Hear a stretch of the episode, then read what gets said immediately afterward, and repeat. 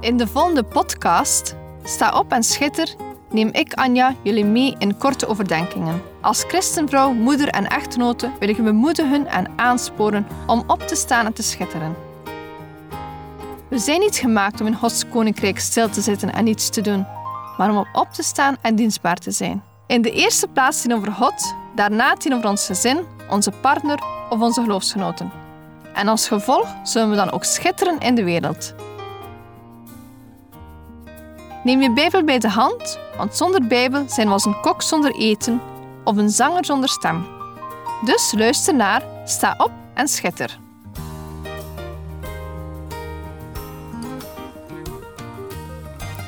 Vandaag wil ik een kijkje nemen in het leven van Priscilla en Aquila. Een koppel die samen God dienen. Het doet me terugdenken aan een profetisch woord die over mijn echtgenoot en mezelf is uitgesproken.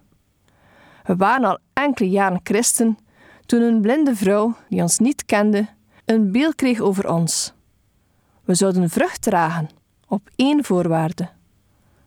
God vroeg van ons om samen te werken als koppel en dat we daar waakzaam moesten over zijn. We hebben natuurlijk deze profetie getoetst aan het woord en bevestigingen gevraagd. Tot op de dag van vandaag proberen we dit vast te houden. Samen dienen we God in de kerk en werken we ook bij TWR. Je zal natuurlijk begrijpen dat het leven van Priscilla en Aquila mij dan ook enorm aanspreekt. Gehuwden spelen een belangrijke rol binnen de kerk. Het verhaal van dit koppel komt voor in Handelingen 18, 1 Corinthiërs 16, vers 19, Romeinen 16, versen 4 en 2 en Timotheus 4, vers 19. In het boek Handelingen lezen we over de grote zendingsreis van Paulus toen hij het evangelie van Jezus naar de Grieken bracht. We zouden hem kunnen zien als een soort superheld, geleid door de Heilige Geest. Paulus die het evangelie bracht. Als we het verhaal van Paulus nader bekijken, zien we hoeveel medewerkers hij had om zijn missie te volbrengen. Paulus leidde een leven van een martelaar hij kende bespotting tot gevangenschap en tijdens zijn moeilijke momenten kwam hij Priscilla en Aquila tegen. In Handelingen 18, versen 1 tot met 4 lezen we. En hierna ging Paulus uit Athene weg en kwam in Korinthe. En hij trof er een Jood aan, van wie de naam Aquila was, afkomstig uit Pontus, die onlangs uit Italië gekomen was, en Priscilla, zijn vrouw. Omdat Claudius bevolen had dat al de Joden uit Rome weg moesten gaan. En hij ging naar hen toe. En omdat hij hetzelfde beroep uitoefende, bleef hij bij hen en werkte er. Want zij waren tentenmakers van beroep. En hij sprak iedere sabbat in de synagoge en probeerde Joden en Grieken te overtuigen. Voor het eerst komt Paulus met hen in aanraking in Korinthe. Daar zij, net als hij zelf, tentenmakers waren van beroep, nam hij bij hen zijn intrek en werd hij anderhalf jaar samen. Ze deelden niet alleen het beroep van tenten maken, de liefde voor Jezus, maar ook net als Paulus zijn ze slachtoffer van vervolging. Ze zijn ook vertrokken uit Rome omdat het moet. Onder druk van een decreet van keizer Claudius hadden ze Rome moeten verlaten. Vermoedelijk zal het niet gemakkelijk geweest zijn. Ze hebben hun leven terug moeten opbouwen. Maar we zien hier hoe God aan het werk gaat en Paulus verbindt met Priscilla en Aquila. God zijn wegen zijn ondoorgrondelijk. Ik stel me voor hoe ze samen werken en Gods woord delen, hoe er vriendschap ontstaat. Samen met Paulus reizen ze van Korinthe naar Efeziërs. Aquila en Priscilla blijven uiteindelijk in Efeziërs achter, terwijl Paulus naar Jeruzalem reist, om daar het komende feest te houden. In Handelingen 18, versen 24 tot 28 lezen we hoe hun verblijf verder verloopt. Er staat: En een zekere Jood, van wie de naam Apollos was, een welsprekende man, die kundig was op het gebied van de schriften, kwam in Efeze aan. Deze was in de weg van de Heere onderwezen, en omdat hij vurig van geest was, sprak en onderwees hij nauwkeurig de zaken van de Heere. Maar hij wist alleen van de doop van Johannes. En hij begon vrijmoedig te spreken in de synagoge. En toen Aquila en Priscilla hem gehoord hadden, namen zij hem apart en leidden hem de weg van God nauwkeuriger uit.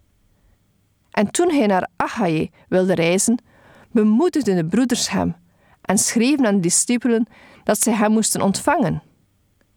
En toen hij daar gekomen was, bood hij veel hulp aan hen die door de genade geloofden. Want hij bestreed de Joden krachtig in het openbaar door uit de schriften te bewijzen dat Jezus de Christus is. We zien hier hoe Priscilla en Aquila ten dienste staan van God. Zij maken Apollos het ware evangelie bekend. Ze verkondigen Gods genade en wijzen hem op de gestorven en opgestane Christus. Dezelfde waarheden en verborgenheden die Paulus hun had meegedeeld, brengen zij nu ook onder de aandacht van Apollos.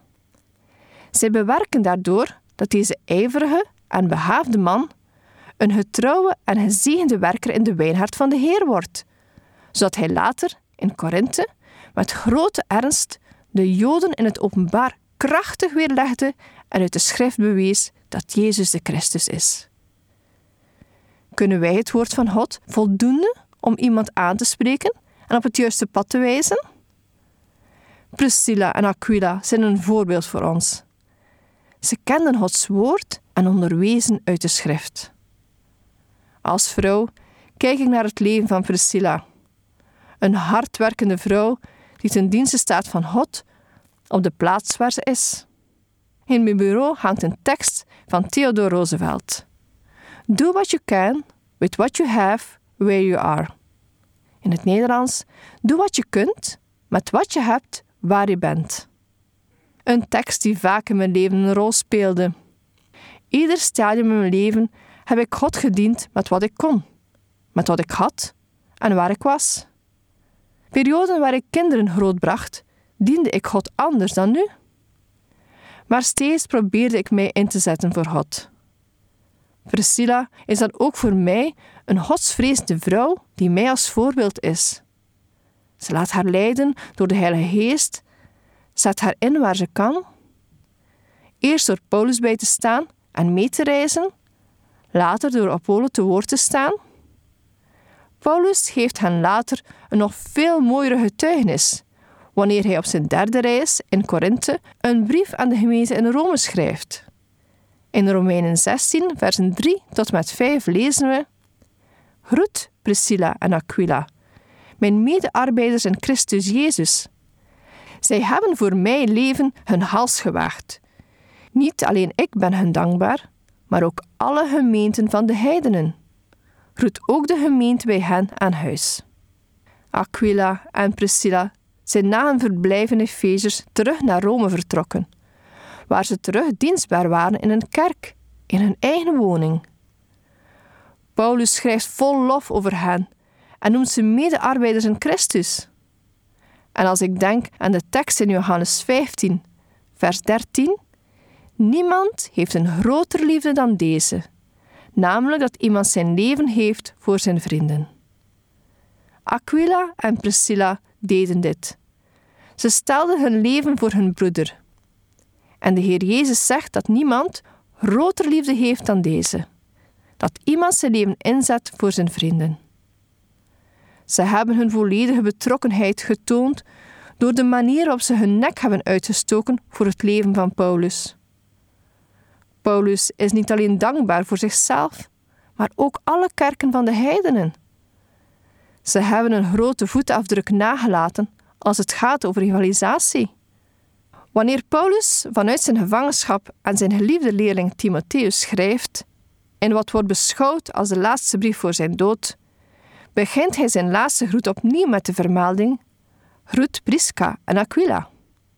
Dus een nader blik op het Nieuw Testament onthult dat het echtpaar in het begin stond van de verspreiding van het christendom. Een beeld van een gewoon werkend koppel die zich inzet voor Gods koninkrijk. Zulke personen herinner ons eraan dat God elk christen roept om het goede nieuws te verkondigen, te midden van het dagelijks leven. Aquila en Priscilla waren geen apostel Paulus en misschien geen perfect spreker in het openbaar, maar ze waren ijverig bij het bestuderen van Gods woord en ze hielden ervan het met anderen te delen. Ze waren zelfs bereid om de tijd te investeren die nodig was om Apollos onder hun geestelijke zorg te nemen en de dingen van Christus in zijn leven uit te storten. En als resultaat van deze ontmoeting werd Apollos een effectieve dienaar van God. Sommigen van ons zullen nooit krachtige predikers zijn, maar we kunnen trouwe leerlingen zijn van Gods woord. En ons huis kan openstaan voor mensen wiens hart hongerig is om het woord te horen. We hebben misschien het vreugdevolle voorrecht een jonge Apollos te koesteren, die op een dag een brede en krachtige bediening voor Jezus Christus zal hebben. En misschien moet je net als ik een tekst aan je bureau of keuken hangen. Doe wat je kunt, met wat je hebt, waar je bent. En als je daarna leeft, zal je automatisch schitteren. Deze podcast kun je steeds opnieuw beluisteren via de website en app van twr.be. Als je deze aflevering leuk vond en je wilt de podcast helpen ondersteunen, deel hem dan met anderen. Heb je gebed nodig of wil je reageren op deze uitzending? Zend dan gerust een mailtje naar anja.twr.be. Bedankt voor het luisteren.